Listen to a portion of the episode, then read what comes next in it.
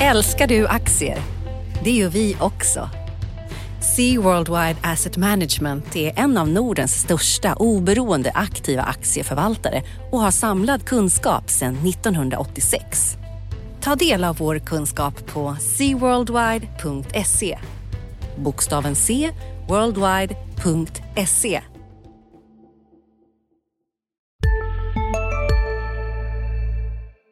Hej! Andreas Johansson på DIs nyhetsmagasin Ekonomistudion här. Vi fördjupar oss i de viktigaste frågorna och möter Sveriges makthavare inom ekonomi och politik.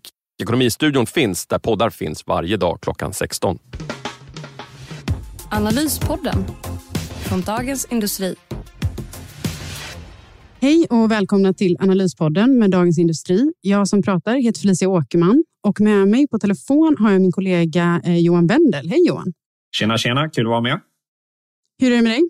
Ja, men det är bra. Eh, mungiporna uppåt här på fredagen. Det var ju lite deppigt igår kväll eh, på börsen här, men eh, nu på fredagsförmiddagen här så ser det ju betydligt bättre ut. Eller vad säger du? Ja, det är ju plus i alla fall och det är väl upp en del. Jag har inte eh, någon liksom kursgraf framför mig just nu, men det var väl upp över en procent i alla fall på Stockholmsbörsen nu på morgonen, eh, vilket ja. ju verkligen är bättre än igår. Det var ju en ordentlig nedgång eh, Eh, på Wall Street, eller hur? Ja, men precis. Om vi bara ska köra en liten recap där. Alltså, eh, på torsdagens, torsdagskvällen här så backade ju eh, tekniktunga Nasdaq eh, med 5% medan S&P backade 3,5% Så en rejäl sell-off där. Framförallt är det techaktierna som eh, drabbades hårt här. Apple föll 8 procent. Jag såg någon, någon hade gjort en rolig graf här med de så kallade Fangman-aktierna, alltså Facebook, Alphabet och så vidare och konstaterade att det var ett svenskt BNP som hade gått upp i rök sett till deras börsvärde. Där. Så att, eh, sen är ju de där megacaps numera, så att, oklart vad man ska läsa in i det. Men, ja, man älskar ju när man kan jämföra det med hela länder. Det är alltid Exakt, härligt. exakt. Uh, Eh, eh det, det, är alltid bra. Eh, men eh, om, om man zoomar ut lite då, så är det ju liksom, eh, den här nedgången är ju bara en blipp i den här starka uppgången vi har haft. Alltså inför det här så hade ju Nasdaq index klättrat 11 av 13 handelsdagar och blickar vi på helåret, om vi tittar på de här Russell Value och Russell Growth, alltså värdeaktier och tillväxtaktier, så Eh, Russell Value är nästan minus 12 procent i år och Growth är fortfarande plus 25 procent. Så det är fortfarande en rejäl diskrepans mellan värde och tillväxtaktier och tillväxtaktierna där är ju tech tunga. Och eh, jag såg att eh, Financial Times skyllde lite på småsparare, eller retail kan man väl säga om man vill hårdra det. De intervjuade någon på Chicago-börsen här som har sagt att det varit en väldig volym i eh, köpoptioner och eh, trodde att det var framförallt drivet av retail. Då. Eh, och det var någon på Chicago-börsen som sa att eh, det har skapat liksom en ond cirkel där retailköpare eh, köper köpoptioner och sen så säljarna där då, eh, de hedgar, hedgar sig med att köpa den underliggande aktien. Då. Eh, så det har skapat mm. en vicious cycle som de kallade det.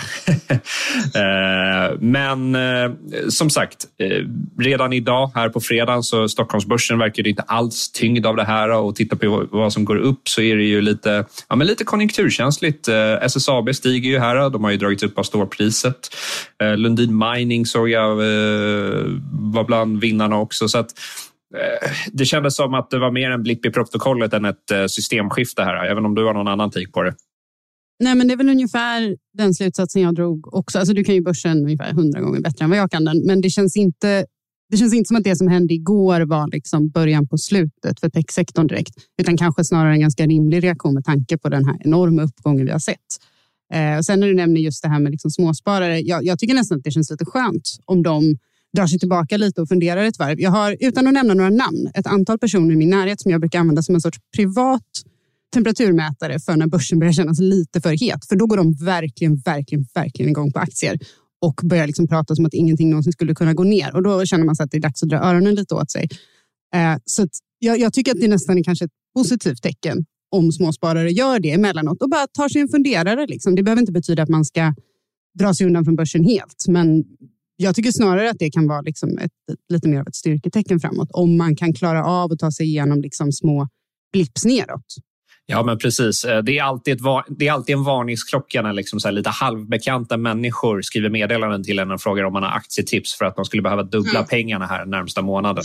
Uh, och, och sen, sen är det också en annan sak som har drivit uh, hela optimismen, förutom då, då den uh, konjunkturförbättringen som du ska prata mer om senare. Men så, vi har ju också stora förhoppningar kring ett eventuellt vaccin här och det blev ju inte mindre håsigt av att Pfizers vd Eh, i veckan här och sa att han räknade han trodde att det var fullt möjligt att ha ett vaccin, börja utrullningen av ett vaccin i slutet av oktober. Eh, de lite mer konspiratoriska människorna där noterar ju att eh, slutet av oktober, ja, det betyder några dagar innan det amerikanska presidentvalet. Och jag såg att Anthony Fauci, då, den här eh, chefen för NIH i USA, eh, fick frågan om han skulle ta det här vaccinet och han sa att det är absolut möjligt att vi har ett vaccin eh, redo i slutet av oktober, men han trodde väl det var mer troligt eh, november, december, början av nästa år. Där någon gång skulle man eh, räkna med. Men det är, det är helt klart så att vaccin är ju no eh, eh, positiva vaccinnyheter är ju någonting som har drivit börsutvecklingen också under året. Här.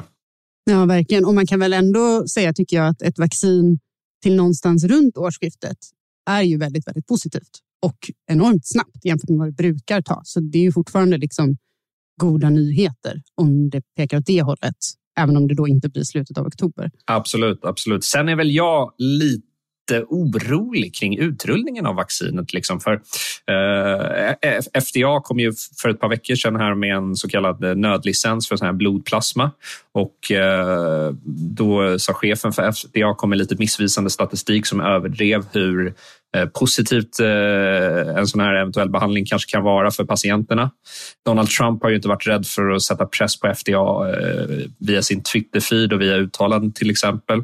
Så att det finns en risk att FDA politiseras och vi har ju redan sedan tidigare en ganska liksom, omfattande antivaccinrörelse som ja, de tror ju helt enkelt på vetenskapen, vilket man, man bör göra. Så att det finns ju en det finns ju redan från början en ganska stor misstro mot vaccin och om då också FDA upplevs som att ha blivit politiserat så riskerar det att späs på sig ännu mer.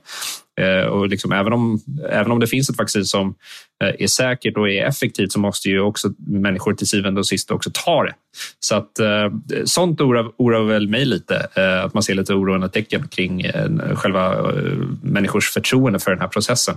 Men ja, det kanske vi kan oroa oss mer för när väl ett vaccin har bevisat sig både säkert och effektivt.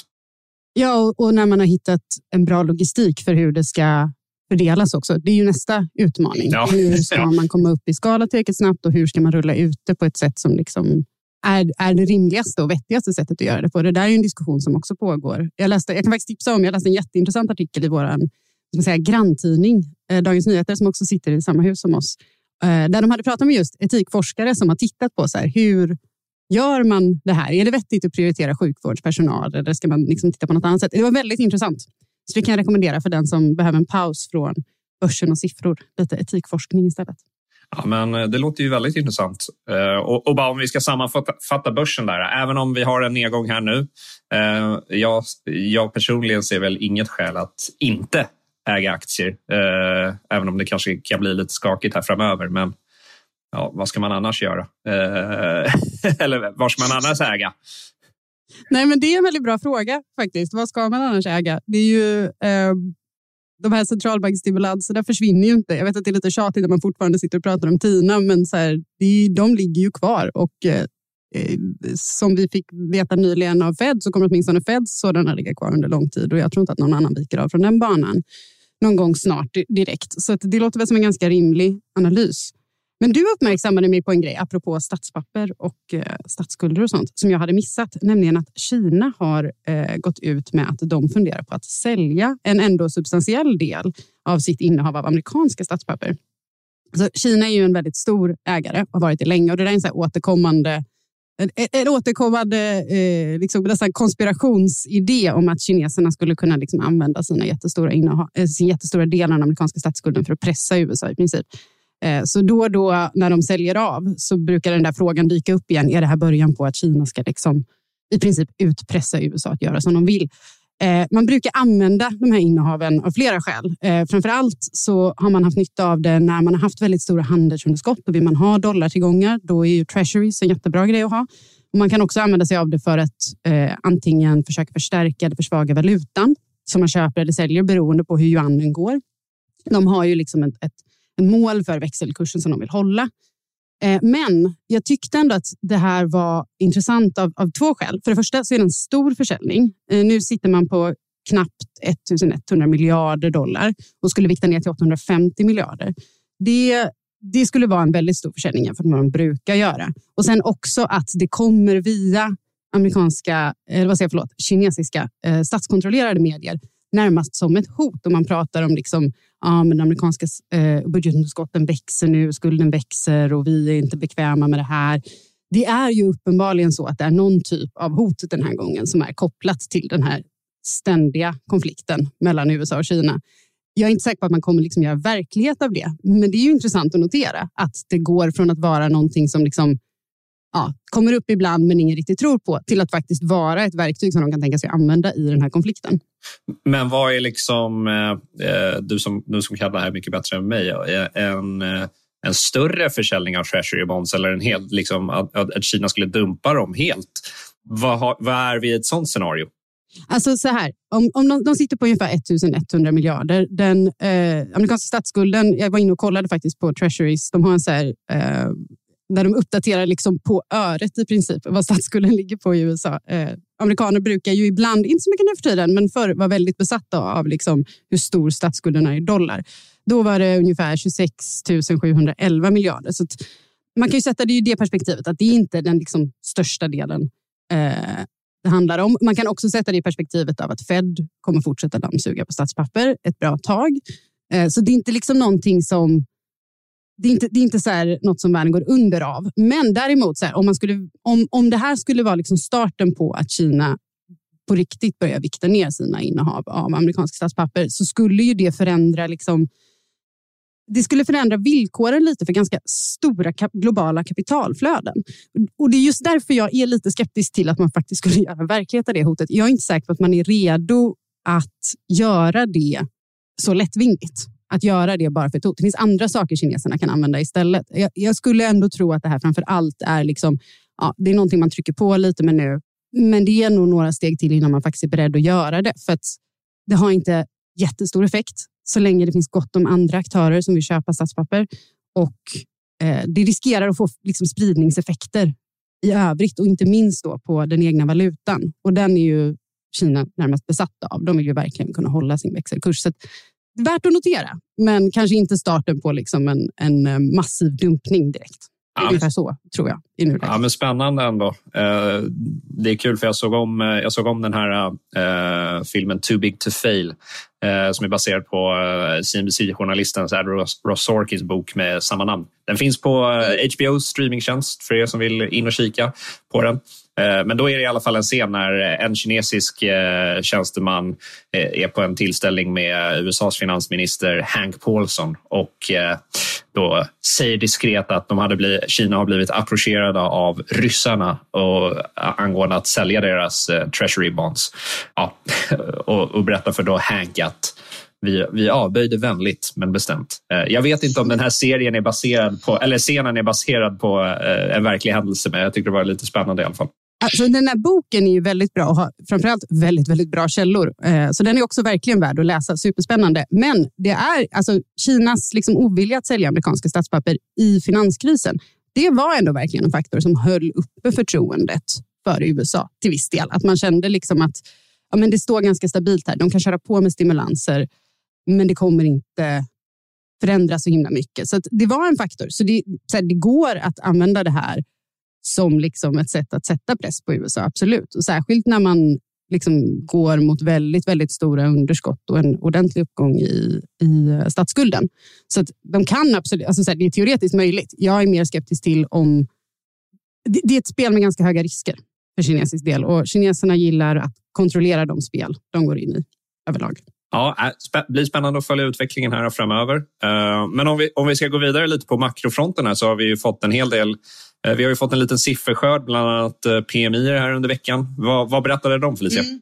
Ja, vi har fått jättemycket. Vi har ju skrivit en del om det här redan, men om man drar det lite kort så kan man ju säga att i Kina där ser läget ganska stabilt ut. Uppgången har liksom planat ut nu, men den ligger i tillväxtzonen och då en liten snabb summering. Eh, utfall över 50, då är det tillväxt gentemot föregående månad. Utfall under 50, då krymper det jämfört med föregående månad. Det är fortfarande lite så att det där föregående månad spökar här, eh, för att vi är liksom det blir, det blir konstiga effekter när man har en så himla snabb och så himla kraftig nedgång som vi har haft tidigare i år. Men, men i Kina så skulle jag ändå säga att det ser ganska stabilt ut. Europa betydligt mer blandat. Alltså det är fortfarande överlag ändå tecken på att det är en återhämtning som fortsätter, men den ser väldigt bräcklig ut och framför allt på tjänstesidan, vilket är ganska rimligt. Eh, om inte minst för att det fortfarande finns en oro bland företagen tror jag. Särskilt i vissa europeiska länder som hade väldigt hårda restriktioner tidigare i år om att man liksom riskerar att hamna där igen ifall smittspridningen skulle ta ytterligare fart. Så det är kanske inte jättemärkligt att det ser ut så, men det understryker ju ändå liksom att man fortfarande behöver mycket stöd i Europa för att kunna hålla igång det här och för att kunna liksom hålla den här återhämtningen lite under armarna. USA däremot var faktiskt väldigt stabilt tycker jag. Och, och, det som var mest intressant att notera där, det var att om vi tittar på framförallt på tjänstesidan så ökar faktiskt sysselsättningen nu. Företag liksom behöver dra in jättemycket folk för att kunna hålla, hålla sig liksom i kapp med efterfrågan. Jag tror att det delindexet för sysselsättning i tjänstesektorn noterade sin största uppgång på typ sex år eller något sånt där. Igen, jämfört med föregående månad, väldigt svag arbetsmarknad just nu. Så det, inte, det betyder inte att Eh, en kraftig uppgång betyder inte att ekonomin går så himla kraftigt. Det betyder bara att den har accelererat kraftigt jämfört med föregående månad. Men det, det, var ändå intressant att se. Den amerikanska arbetsmarknaden har ju tagit en större smäll eftersom de har valt lite andra sätt att hantera, lite andra stimulansåtgärder. De har valt att till exempel fokusera på att ge stöd till folk som blir av med sina jobb snarare än att ge stöd till företag så att de inte ska sparka folk. Tonvikten har ju legat där. Vi får en ny arbetslöshetssiffra i eftermiddag från USA och precis innan den kommer så kommer det varje månad en privat mätning från ADP. Och den var en, en lite av en besvikelse, den som kom den här veckan. Men jag skulle ändå flagga för att den, har, den privata mätningen har legat lägre än den officiella statistiken i princip sedan krisen bröt ut. Så det behöver inte vara liksom ett så stort orosmoln. Tvärtom så ser det ju då ganska positivt ut att företagen själva skickar de här signalerna om sysselsättningen via inköpschefsindexen. Så det, det, ser ändå liksom ganska bra ut. Det skulle kunna vara så att vi får en glad överraskning i eftermiddag. Och då kan man ju nämna att konsensusprognosen är att arbetslösheten ska sjunka från 10,2 till 9,8 procent och att det ska ha skapats knappt 1,4 miljoner nya. Just nu pågår vår stora season sale med fantastiska priser på möbler och inredning. Passa på att fynda till hemmets alla rum, inne som ute, senast den 6 maj. Gör dig redo för sommar. Välkommen till Mio. CSRD. Ännu en förkortning som väcker känslor hos företagare. Men lugn, våra rådgivare här på PWC har koll på det som din verksamhet berörs av. Från hållbarhetslösningar och nya regelverk till affärsutveckling och ansvarsfulla AI-strategier. Välkommen till PWC. Jobb. 9,8 procent är fortfarande väldigt högt för att vara i USA. Du får gå väldigt, väldigt långt tillbaka för att hitta sådana siffror. Men det fortsätter troligtvis att gå i rätt riktning och USA ser ändå ut att ha positionerat sig ganska bra för en återhämtning, även om det såklart fortfarande liksom kvarstår väldigt mycket frågetecken om hur pandemin utvecklas i det landet. Så att, ja, stora orosmoln som vanligt, men jag skulle ändå säga så här, Europa, ja, lite splittrat, lite oklart. Sverige, väldigt bra eh, inköpschefsindex den här månaden ändå. Så Sverige ser bättre ut än övriga Europa. USA ser bra ut, Kina ser stabilt ut. Ungefär så. Ja, men det eh, blir spännande att se vad payrollsen landar på här i eftermiddag. Men du låter inte så orolig för att liksom, de här höga arbetslöshetssiffrorna ska... Det finns inget bra sätt att formulera det på, men eh, det finns ju vissa jobb som är lättare att eh, som kräver lägre utbildning, där det är lättare, kanske restauranger och så vidare. Det är lättare att mm. få dem åter medan det finns mer krävande jobb där man kanske är mer rädd för permanenta jobbförluster. Förstår du vad jag menar? Jo, men jag förstår vad du menar. Eh, ja, nej, men lite så de som har blivit av med jobbet just nu är ju, och det, gäller, det är sant i de flesta länder faktiskt, det är ju framförallt människor med lägre inkomster, lägre utbildning i enklare jobb. Det är de som har tagit liksom mest stryk på arbetsmarknaden hittills. Eh, om vi tar Sverige som exempel, så när man, när man sitter och tittar igenom liksom de här utskicken från Tillväxtverket om korttidspermitteringar till exempel, så blir det väldigt uppenbart att så här, de företag som framför allt tar emot korttidspermitteringar, de tillhör sektorer där man generellt sett har mer kvalificerade arbeten. Så där har man ju snarare liksom fått den typen av stöd och man har inte behövt göra sig av med folk än. Eh, och jag tror att bilden är ganska lik i USA, även om det inte är riktigt, i och med att man inte riktigt har ett korttidsarbetessystem på det sättet som vi nu har, så, så är det fortfarande så att de som har blivit av med jobbet är framför allt folk som har osäkra anställningar till exempel. Och det tenderar igen att vara människor med låga inkomster, låga kvalifikationer, enkla jobb. Liksom. Så att, kan man få tillbaka dem så är det ju väldigt, väldigt positivt. Sen ska man ju också bara komma ihåg att så här, det finns, det finns väl, man, man, kan beskriva oron på två sätt. Du har den kortsiktiga oron för så här, hur, hur går återhämtningen nu? Och med återhämtningen tänker väl jag kanske ungefär ett år framåt. Och sen vilka effekter ser man efter det? Om återhämtningen går väldigt, väldigt bra, då blir ju de här effekterna som man ser på längre sikt på arbetsmarknaden, som är en så här trögrörlig marknad där saker kan ligga kvar väldigt länge, de blir ju såklart mindre. Om återhämtningen går helt okej, okay, då det är liksom inget så domedagsscenario på något sätt, men det betyder ändå att vi får lite mer av de här sega effekterna, till exempel folk som lämnar arbetsmarknaden eh, för att de inte helt enkelt inte får några jobb och ser ingen poäng med att söka jobb i så hög utsträckning. Eh, och Det är ju något som kan ligga kvar under lång tid. Så att, alltså jag skulle inte säga att jag inte är orolig på något sätt, men jag är mindre orolig nu än vad jag var för några månader sedan. Framförallt kanske just kring den amerikanska arbetsmarknaden. Ja, men uh, bra. mm, det är positivt. Någonting att ta med sig in i helgen. vara lite optimistisk för en gångs skull. Jag är oftast så pessimistisk. Ska vi gå vidare lite till uh, det svarta guldet som vi uh, ja. hade tänkt snacka om? Men jag vet inte om det är guld längre. Eh, kanske inte enligt mm. aktiemarknaden i alla fall. Nej, men det var, det var väl lite utgångs, eh, utgångspunkten i här att Exxon Mobil, då den här amerikanska oljejätten, trillade ju ur eh, eh Dow Jones index eh, förra veckan här och eh, därmed tog ju en 92 år lång era slut här. De har ju varit i det där indexet sedan 1928, då under namnet Standard Oil of New Jersey. Och eh, det där är ju bara ännu en förnedrande smäll som eh, Big Oil och fra, kanske framför allt Exxon har åkt på. Eh, så sent som 2013 var ju Exxon världens största bolag sett till börsvärde. Mm. Sen tog ju Apple över den tronen och eh, sen dess har ju liksom Exxon bara fallit allt längre från toppen. Nu tror jag att de är ungefär eh, det 36 största bolaget i S&P 500 sett till börsvärde.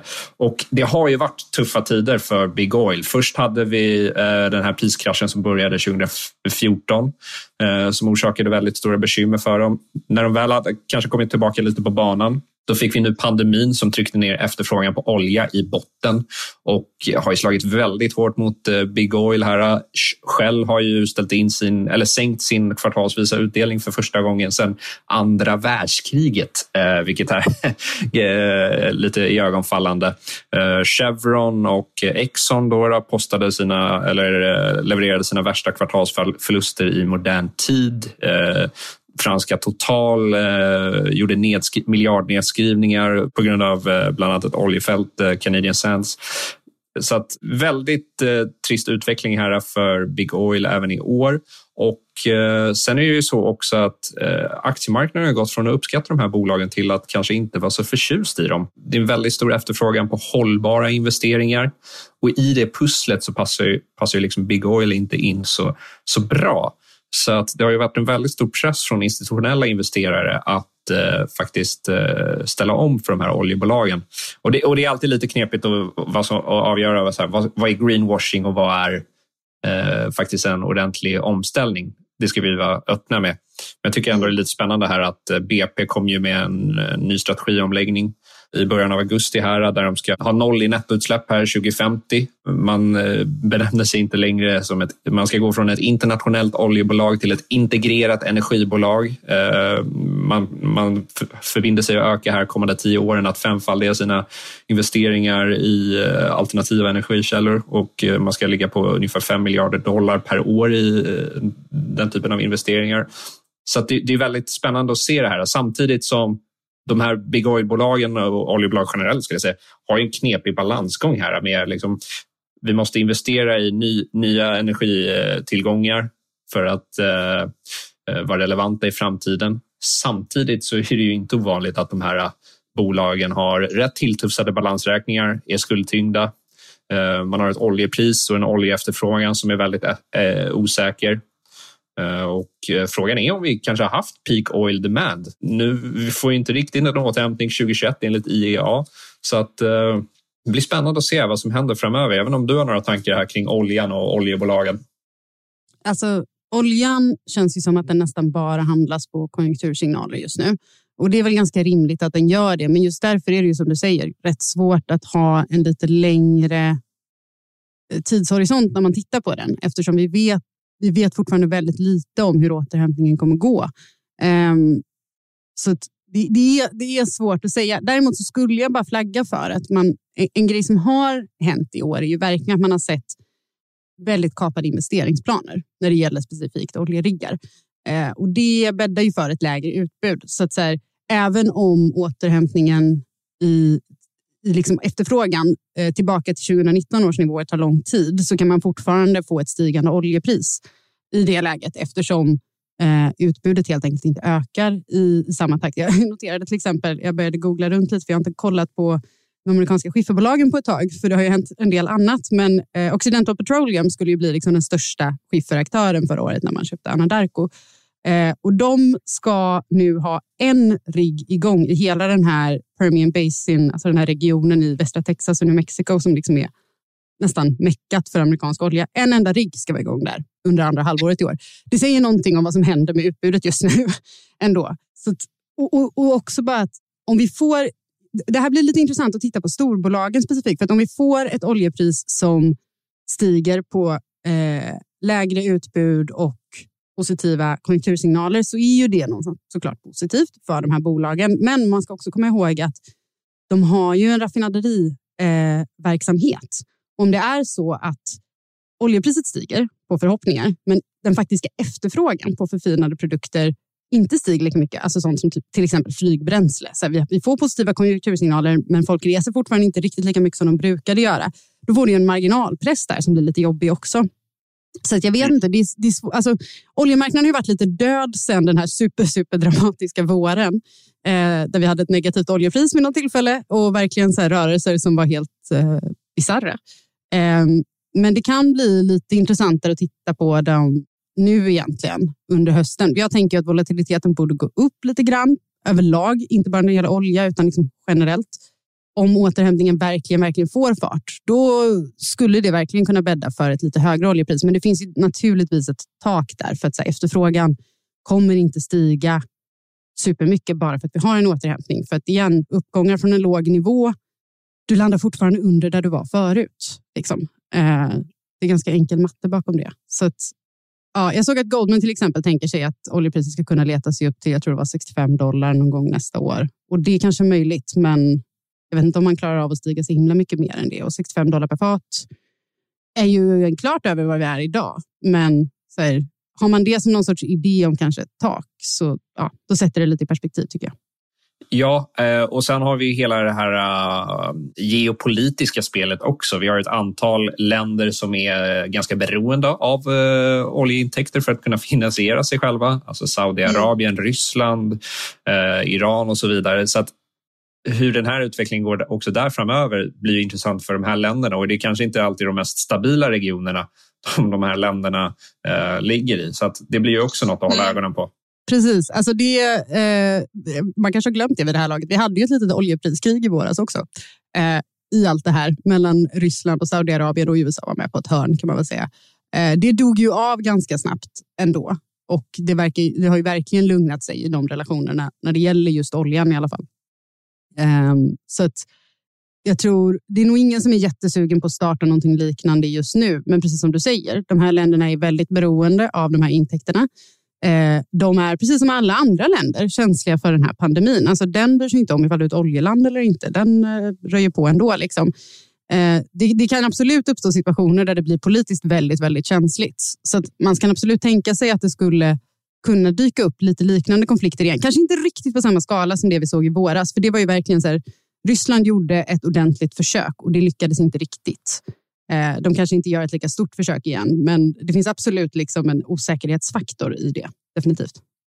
Ja, men eh, vi kanske inte får eh, reda på svaret i den här frågan nästa vecka. Eller jag kan garantera att vi kanske inte Nej. får det nästa vecka. Men däremot så får vi ett räntebesked från Europeiska centralbanken, eller hur? Ja, det får man väl ändå säga är nästa veckas höjdpunkt från makroperspektiv. Vi har lite andra grejer som händer också, men ECB-beskedet är det jag ser mest fram emot i alla fall. Det ska bli väldigt intressant. Det är ingen som egentligen väntar sig att de kommer med några direkta åtgärder den här gången. De flesta verkar tro på en utökning av stödköpen innan årsskiftet. Men det blir intressant att lyssna på hur de pratar, framför allt om euron.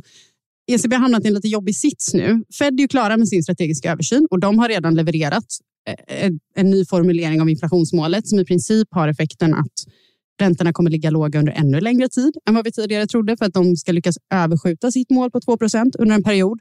Vi vet inte exakt hur detaljerna ser ut, men, men det har ju fått en tydlig effekt ändå på valuta och räntemarknaderna. Eh, ECB har ju också en översyn som bland annat inkluderar hur man ska se på inflationsmålet och om man ska titta på till exempel en genomsnittlig inflation eller något sånt där. Så det är väldigt likt det Fed håller på med. Den kommer inte bli klar förrän nästa år. Och det är ju inte så kul för ECB om euron fortsätter att stärkas kraftigt, vilket den har gjort nu. Den har gått väldigt, väldigt starkt här sedan maj ungefär. Eh, det är ju ett problem ur ett inflationsperspektiv. En stark valuta trycker ner inflationen. Det är också ett problem vad gäller återhämtningen för att euroområdet är fortfarande ganska liksom exportorienterat och gynnas ju därför av en svagare valuta.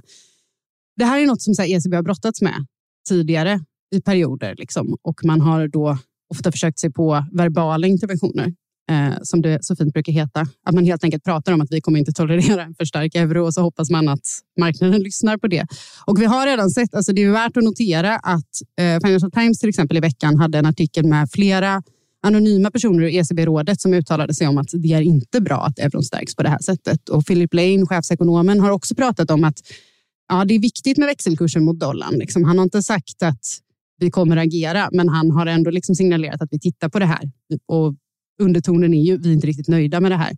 Så det ska bli intressant att se hur, hur det hanteras. Jag tror väl att det är verbala interventioner helt enkelt. Christine Lagarde får försöka snacka ner euron nu.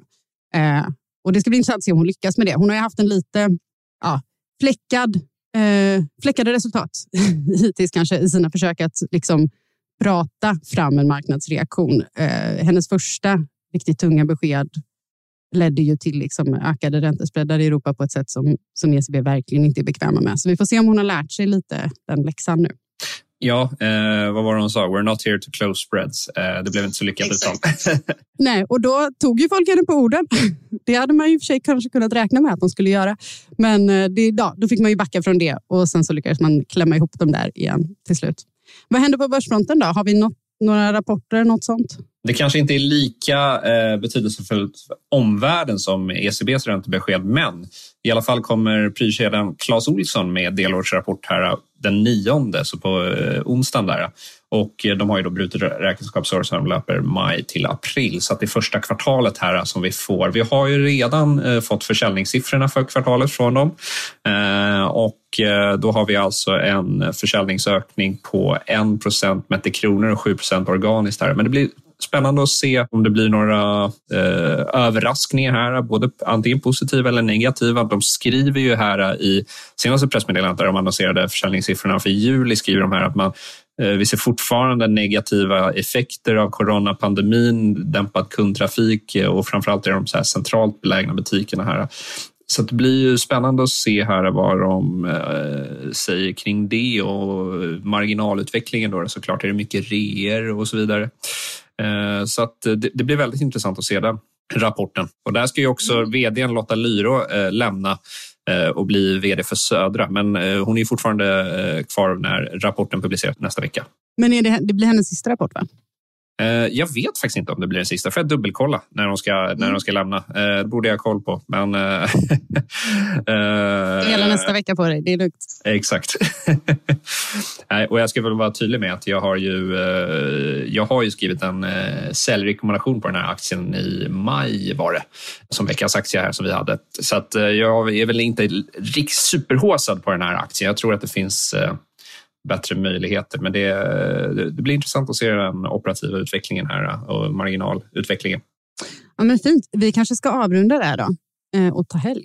Ja, men det låter ju som en bra idé. Sen, jag tycker vi ska passa på att påminna om att man inte ska missa våra andra poddar. Vi har ju eh, Digitalpodden som görs av våra kollegor på DI Digital eh, som man borde lyssna på. Och så har vi ju vår analysredaktionskollega Viktor Munkhammar som gör eh, Makrorådet om man vill eh, höra ännu mer makro. Och så kan man ju få Ekonomistudion som podd också.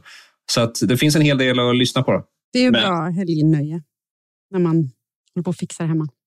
Men med det sagt så kanske vi ska ta helg. Eh, mm. Tack för att ni lyssnade. Ja, tack så mycket. Ha det bra. Hej då. Analyspodden från Dagens Industri. Programmet redigerades av Umami Produktion. Ansvarig utgivare Peter Fellman.